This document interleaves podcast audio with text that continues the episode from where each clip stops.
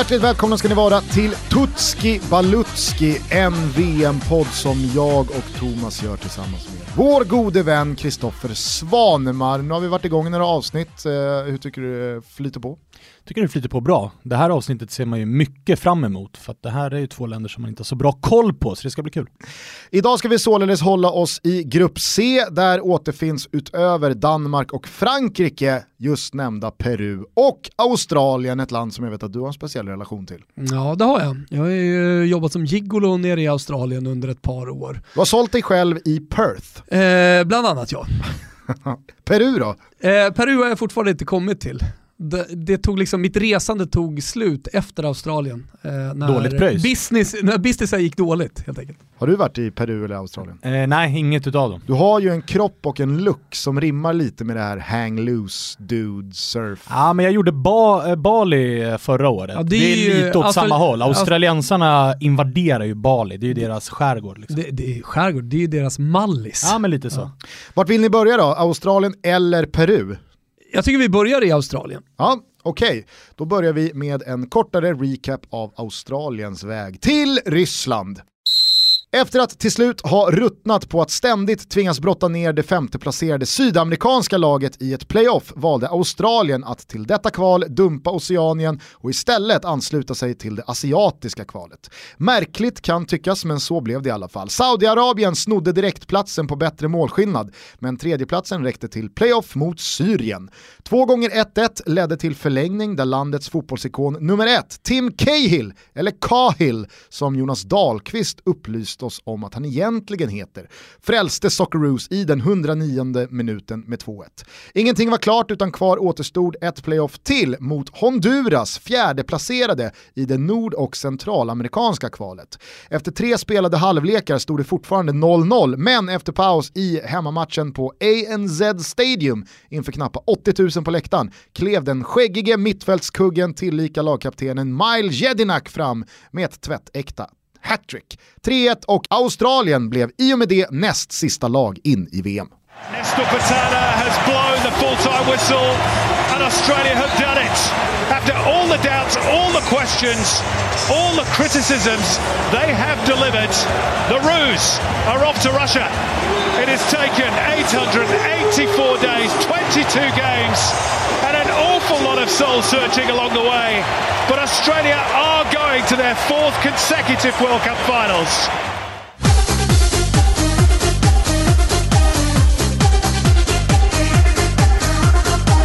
Fan det är skönt att de här gubbarna lever än, Mile Jedinak och eh, Tim Cahill, eller Cahill.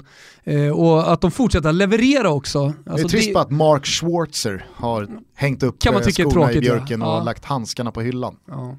ja, nej men hur som helst så är ju det man reagerar på att Australien direkt fick pröjs på att man lämnade Oceanien och Australien, som då den här kvalgruppen heter, ironiskt nog när alltså Australien har lämnat den. Men, eh, ja, men det blev ju deras nog, lycka. Ja, lycka. Och så lustigt nog så fick de ju, just det laget så kom femma i sydamerikanska kvalet i gruppen. Så att de blir inte av med dem. Någonting finns kvar, mm. nämligen Peru. Eh, vad säger du om eh, Australiens bedrift att vara i VM för andra raka gången? Alltså det man minns eh, framförallt ifrån det här kvalet först och främst är den här matchen mot Syrien där det kändes som att en hel värld satt och höll tummarna för Syrien och de var ju nära att lösa det ändå.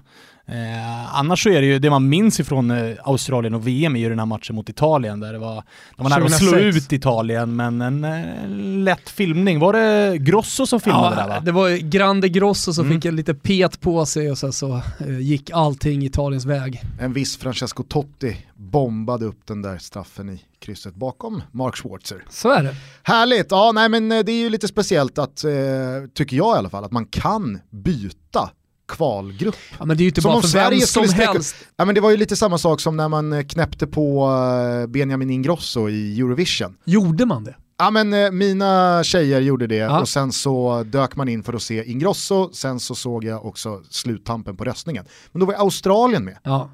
Alltså, de tar sig lite här och Så var. jävla flummigt. Så Joker, eh, jag tänkte säga land, för det är det ju också, men det, det, det är ju en egen världsdel. Va? Eh, men men eh, jag, jag kan också på ett sätt förstå det. Eh, Ja, dels att de vill byta, men att man byter. För att kvalitetsmässigt så har de ju att göra det i Asiengruppen, uppenbarligen. Här fick de slita för att ta sig hela vägen in. Problem, problemet blir ju att när de spelar i Oceanen med alla, alla dynggäng där borta, Tonga, Västra Samoa, där har man ju varit bland annat, eh, och Fidjöarna, Nya Zeeland som väl är det starkaste eh, landet just nu, Oceanen, eh, liksom bli klara för det här kvalet mot femteplatsen. Så alla vet att eh, det ska bara spelas av och sen så blir det Australien som man möter. Mm. Eh, Och ett ist- dåligt år kan ju det vara Argentina eller Colombia. Exakt. Ja men det blir alltid tufft motstånd. Ja. Eh, så, så är det ju. Mm. Eh, vill ni veta lite mer om vem som rattar det här bygget? Ja, kom igen! Förbundskaptenen. Det var faktiskt den grekfödde Australien Ange Postecoglou som förde landet till Ryssland, men blott två veckor efter det säkrade avancemanget meddelade 52-åringen att han kliver av för att gå till Yokohama F Marinos. Inga stålar där va? Money Talks och så vidare. Ny på posten är istället den oerhört meriterade holländaren Bert van Marwijk som i sin tur ledde Saudiarabien till VM men gjorde en klassisk switcheroo i vintras och alltså åker till Ryssland som ansvarig för ett annat land. Van Marwijk minns säkert många från VM i Sydafrika 2010 då han tog ett hårdfört Holland hela vägen till final. För detta åtnjöt han Order of Orange Nassau, en holländsk militärorder, ett slags semivariant av eh, adling. Men den 66-årige silverräven har även huvudansvar för Borussia Dortmund, Hamburg och Feyenoord på CVt där han 2002 vann Uefa-cupen med det sistnämnda gänget. Mm. Ja men det här är en gubbe som man känner igen eh, såklart och som man hela tiden har levt med och vuxit, eh, eller vuxit men blivit äldre med. Eh, och det, det, det är ju sådär med de här gamla, mer eller mindre lyckade coacherna i klubblagssammanhang. Det, det, det är det nya, det är att man tar då ett mindre landslag. Eh, det har ju Lasse Lagerbäck gjort, mindre landslag, Nigeria är ett jävligt stort eh, landslag. Eh, Island. Men, ja men precis, Island, eh, alltså man bara stannar innanför Sve- Sveriges gränser. Alltså Svennis eh, var ju borta i Mexiko eh, med Hasse Backe ett tag. Eh, Men, men kolla även kolla på de, alltså många av de afrikanska länderna så har de ju liksom, eh, europeiska coacher som eh, mer eller mindre som sagt har lyckats. Men det är en av många grejer som är ganska roliga under VM, är ju att se vem det är som rattar lagen. För ofta är det ju de här tränarna som har gjort det bra i Europa och sen kanske en eller två floppsäsonger, inte fått något jobb och så landar man då en av de här små nationerna som är, eh, inte har så mycket att hämta i ett VM, men där det ska bli kul att se vad de kan göra med laget. Men känns det inte som att Australien på ren fotbollsideologi passar Bert van Marwijk ganska bra?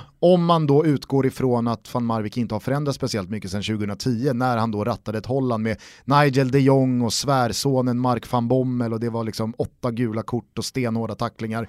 Det känns som att det kan vara en ganska match made in heaven. Aussie rules Ja, även det är i fotbollen. Mycket muskler och mycket liksom primitivt tänk även i Australien, att man spelar utifrån sina förutsättningar. Okej, jag kanske inte hänger med tekniskt här, men här har du en tryckare i ryggen. Det är Ja, det man ja, ja. gillar med blåbärsnationerna, alltså framförallt då de som lyckas att spela efter sina resurser. Då kan det ändå bära ganska långt. Vi såg Costa Rica senast till exempel. Mm. Australien för all del när de tog sig till åttondelsfinal. Mm. Hörni, MVP då är punkten där vi belyser eh, lagens viktigaste spelare och här kanske många tänker, ja det blir väl Tim Cahill. Nej, så banala är vi inte. Utan det är istället Matthew Ryan. Mm. Vem? Undrar man. Ja, det är inte så konstigt, för det är nog inte jättemånga som har stenkoll på Brighton Hoven Albions målvakt. Men visst blir Australiens sista utpost den absoluta nyckelspelaren om det här ska bli en sommar att minnas med glädje. Försvaret är ihåligt, jag vågar lova att det inte blir några hållna nollor och då är det Ryan mot frassar, peruaner och danskar. Efter två urstarka säsonger i Belgien och Club Brygge för några år sedan landade Ryan i Valencia, men fick slash tog aldrig riktigt chansen mellan stolparna på Mestalla. Eh, jag har ärligt talat eh, inte så bra koll. Efter en kort studs tillbaka i Belgien landade han i Premier League och Brighton inför årets säsong och är en av de allra största anledningarna till att Chris Hutons lag inte ens har varit nära en nedflyttningsstrid. Den gamla Liverpool-tvåan Brad Jones pockar på bakom, men Matthew Ryan är det givna första valet. Får man ändå säga en ganska fin målvaktsuppsättning rutinmässigt i alla fall med Ryan då som kommer från en bra säsong och sen så Brad Jones, eh, den eviga tvåan som du sa, som sen sedermera tröttnade på att vara tvåa, eh, tog sig ut och, och, och nu spelar regelbundet. Någon som kommer ihåg vem som var tvåa bakom Mark Schwarzer? Nej, det gör jag inte. Däremot kan jag fylla i dig på Ryan i Valencia. Där var det ju skadorna som satte stopp. Okay. Det var ju alla deras tre målvakter gick ju typ skadade om vartannat. Ja. Så han gjorde det ganska bra i Valencia, men skadebenägen. Sen kom ju Neto som given etta och då fick han flytta på sig. Du slingrar dig bra där. Mm. Eh, tror att jag ska glömma att jag ställde en fråga. Det var ju Ante Kovic, mm, jag... den gamla Bayern och Elfsborg-målvakten. Just Kul att man fick ordet. Man får ta här, äta eller ätas i VM-podden. Så mm. är det. Eh, hörni, stjärnskottet då. Nu eh, tänkte jag bli lite allvarlig. Mm. I brist på andra vettiga alternativ, Australien har nämligen ett ganska ålderstiget lag, vill jag ta tillfället i akt att lyfta upp Dylan Tombides mycket tragiska öde. Den väldigt lovande anfallaren signades av West Ham redan som 15-åring men diagnostiserades med testikelcancer bara ett år senare. Under pågående behandlingar krigade han sig ändå till en tävlingsmatch för West Ham i september 2012, året efter speltid i det asiatiska U22-mästerskapet. Detta beskrivet av läkare som fullkomligt förbluffande och som något som trotsar alla medicinska lagar.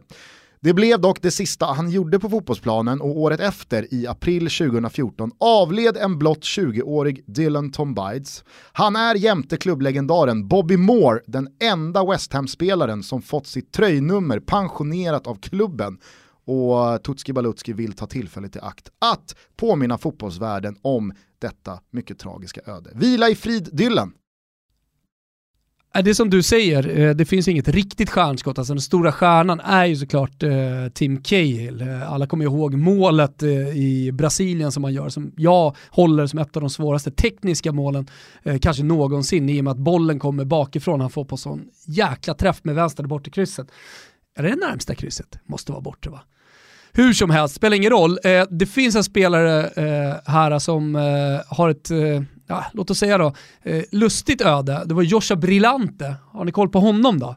Nej. Eh, Joshua Brillante var ju också en stor talang eh, i de amerikanska ungdomsleden. Eh, lirade Gold Coast, eh, Coast United.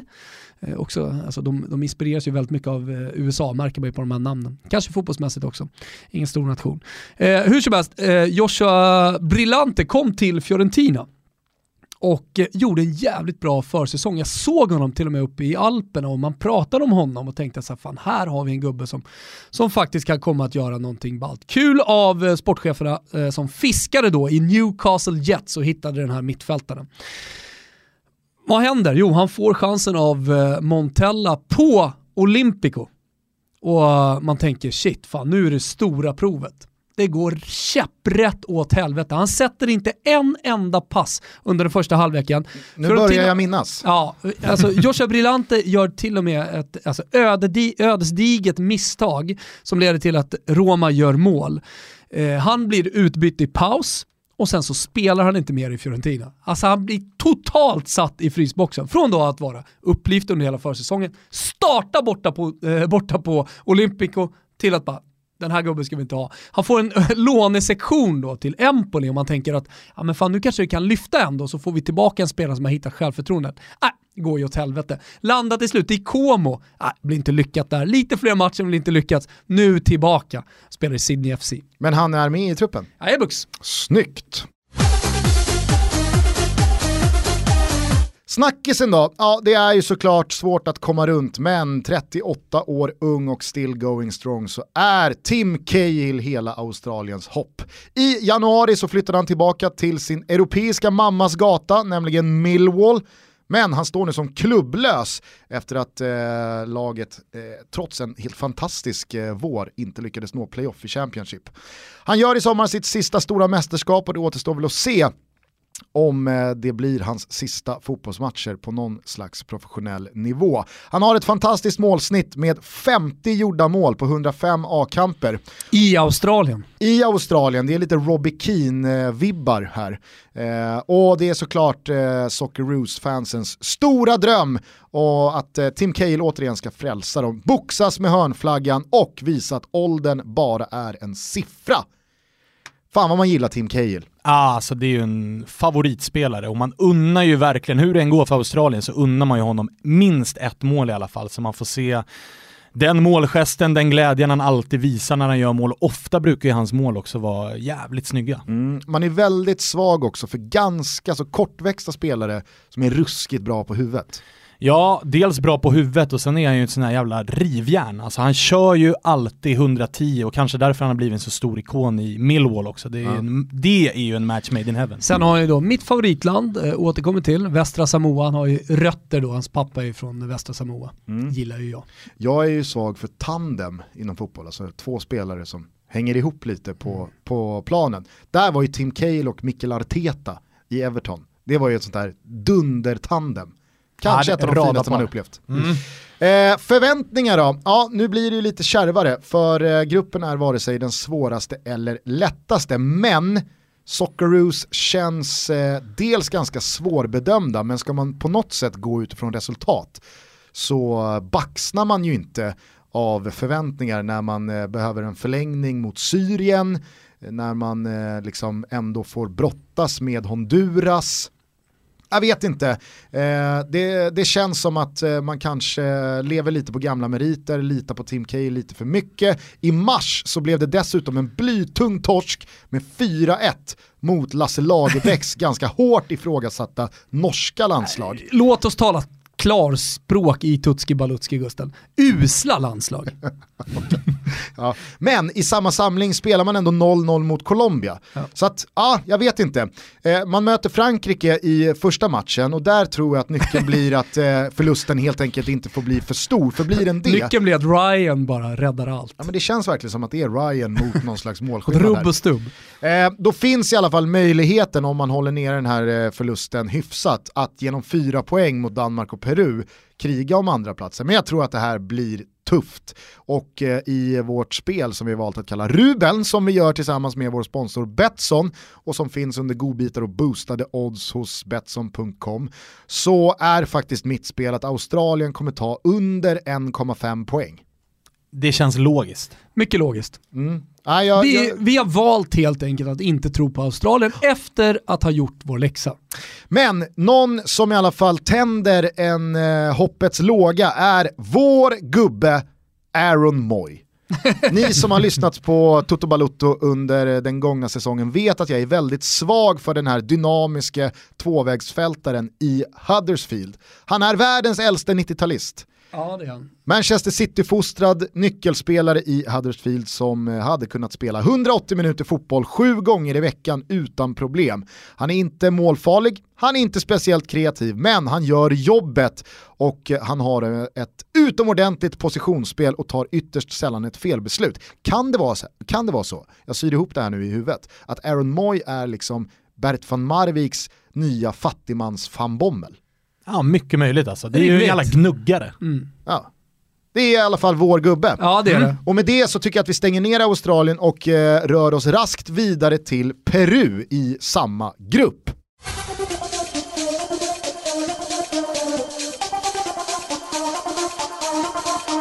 Vi gör så, vi kastar oss direkt på kvalet Gusten. Ja, med nöd, näppe och ett måls bättre kvot än Chile lyckades Peru knipa femteplatsen i det sydamerikanska kvalet och ett playoff mot Nya Zeeland. Den avgörande samlingen innehöll en heroisk 0-0 borta mot Argentina och ett sent kryss hemma mot Colombia. Playoffet mot Nya Zeeländarna blev en ganska ensidig och inte minst rättvis historia. Peru var bättre på allt och trots bara 0-0 i första matchen kunde man segla ifrån ganska komfortabelt med 2-0 hemma och säkra sitt femte VM-slutspel, det första sedan 1982. Todavía tiene que disputar una con Wood, no la pudo sacar de una Rodríguez, sin embargo le queda la pelota a Yotun y comienza a pasar primero Trauco, Trauco para Flores, Flores de nuevo para Trauco, no pudo pasar el balón. ¡Se acabó! ¡Se acabó! ¡Se acabó!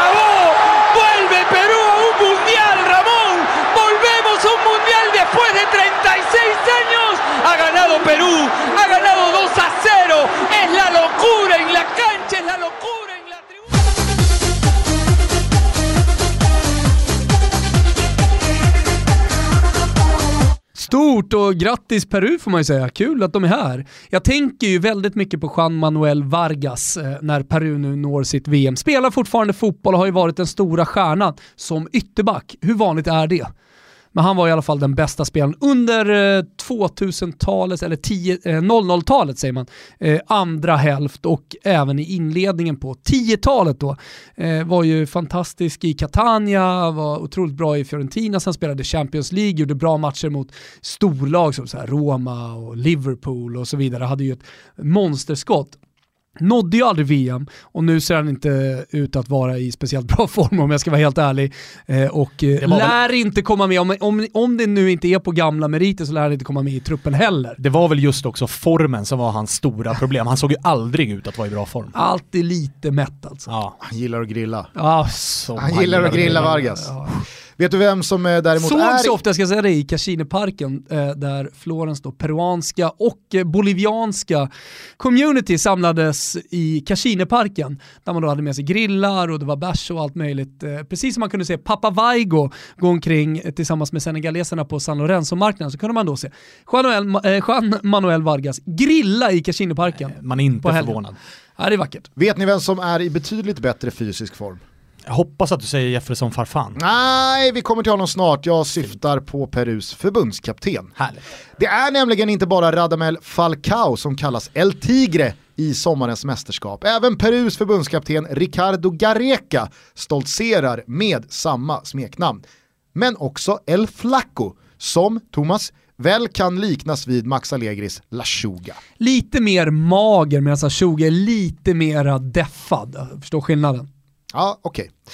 Det är i alla fall bättre form på den gubben än på Vargas. Hur som helst så har den gamla argentinska storspelaren nära in på gudastatus i Peru. Han tog över landslaget några månader innan Copa America 2015, ledde laget till semifinal och löste sedan landets första VM-plats på 36 långa år. Tror ni El Flaco pröjsar för sig på kaféerna eller? Som spelare representerade han som en av ytterst få alla fyra stora i Argentina, Boca Juniors, River Plate, Independiente och Vélez Sarsfield. Med den senare firade han dessutom stora framgångar som tränare och har totalt tre ligatitlar som ansvarig för Veles.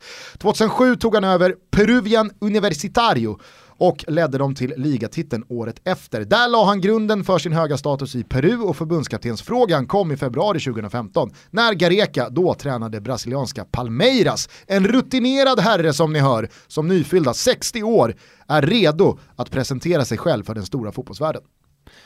Oavsett hur det går så kommer han ju fortfarande ha gudastatus i Peru, för har man tagit sig till VM på så många år, slagit ut eller kommit före Chile, då, då är man ju rätt klar i landet. Mm. Men eh, visst är det kul att göra sådana här eh, grejer, alltså en podd eller en eh, guide. Alltså när man kommer över en sån här herre, hade knappt hört namnet Ricardo Gareca innan man satte sig och gjorde jobbet kring Peru. Och så får man reda på allt det här, att han liksom är eh, en, en stor, firad, hyllad fotbollsbegåvning i såväl Argentina som Peru, att han har spelat i alla de här fyra lagen också. Mm, och det, det, är ju tjusningen med det här, att man får se och man lär sig och man bekantas med så många spelare och ledare som man aldrig hört talas om tidigare. Gillar du inte lite eh, El Flaco lite ja, extra Man kommer ju sitta och hålla på Peru såklart nu mm. när man känner till El Flaco.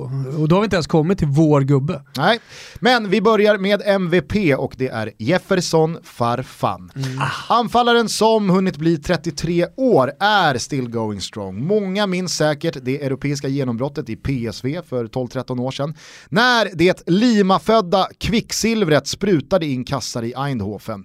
Sju inte lika lyckade år i Schalke 04 följde där hård konkurrens och en del skador satte stopp för succén. När flyttlasset sen gick till Al Jazeera, inte tv-kanalen utan laget, eh, trodde i alla fall jag att det var över för Farfan. Men 80 millar per år är ju 80 millar per år. Idag är Farfan tillbaka i Europa och spelar sin fotboll i Lokomotiv Moskva. 81 landskamper har det blivit för Peru och 24 mål. 25 kommer i sommar. Mark my words. Ja ah, det gör det och det är ju alltså Farfan är ju en klassisk så här, Championship manager, football manager gubbe som man trodde så, så, så mycket om men som det, ska vi vara ärliga, det flög ju aldrig riktigt på den nivån som man hoppades. Nej och sen så som jag fick in här lite kort, han var ju i Schalke under en tid där det var ganska hyfsade spelare på platserna han konkurrerade kring. Och många gånger så kan det ju vara så att en, en riktigt bra spelare kan ju nästan få en bättre karriär och ett bättre eftermäle och en högre status om man är king shit i ett lite sämre lag i många, många år än att man konkurreras ut på bänken i ett större lag. Ja, exakt. Och det var ju efter den, alltså han slog igenom stort som du sa i PSV och det var ju där och då trodde man ju att det här kan bli någonting liksom världsnivå. Det här kan bli en 5 plus-spelare. Men där i Schalke så, ja det var väl i konkurrensen med bland annat Huntelaar som det inte riktigt, eh, han lyckades inte riktigt. Och han, sen, han, sen dess så gick det ju bara ut för Han får personifiera helt enkelt Schalke som har någonting på gång, men mm. det vill sig aldrig riktigt. Ja, exakt. Stjärnskottet då, Renato Tapia. 22-åringen har fått sin seniora fotbollsfostran i Holland då han 2013 gick till Twente. Men sedan 2016 så spelar han sin fotboll i Feyenoord. I grunden en central mittfältare men i år så har han spelat majoriteten av sina matcher i backlinjen, både centralt men också en del till höger. Som ni hör så är det här en väldigt allround spelare som innan Hollandsflytten attraherade flertalet Premier League-klubbar, däribland Liverpool och Tottenham, Renato Tapia. Han har ju det perfekta genombrottsnamnet för ett fotbolls Tänkte precis säga det. Alltså Renato Tapia, man kan höra då eh, SVTs eh, VM-krönika som kommer lagom till att vi ska gå in i 2019 eh, prata varmt och gott om Renato Tapia som mm. tog en hel värld med storm. Så gillar ju Tutski Balutski att också lägga luppen på spelarna, inte bara längst fram i, i planen som gör målen, utan Nej. Diamanter. Peru, Peru handlar uppenbarligen bara om backar. ja, kanske.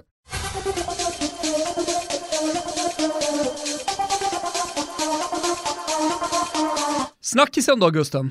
Ja, snackisen är ju eh, kanske den mest givna, i alla fall hittills under Tutski Balutski-inspelningarna. Det är ju nämligen den stora stjärnanfallaren Paolo Guerrero och dennes avstängning han eh, åkte dit för kokain i slutet på 2017. Det, det fastställdes en dom som var på ett år, men som enligt vissa då hävdes efter ett halvår. Så han tog sig ut i Perus bruttotrupp här nu för några dagar sedan. Men eh, när då LAS heter de va? CAS. CAS, CAS heter de. Mm. Någon ytterligare instans bortom Fifa, de sa app, app, app, nej, nej, nej, nej den här eh, domen ska stå fast så att eh, Guerrero är fortfarande avstängd och således föll han bort när Peru bantade bruttotruppen till nettotruppen. Och det här är givetvis eh, det stora samtalsämnet i Lima och övriga peruanska städer som man inte har någon jävla aning om vad de heter.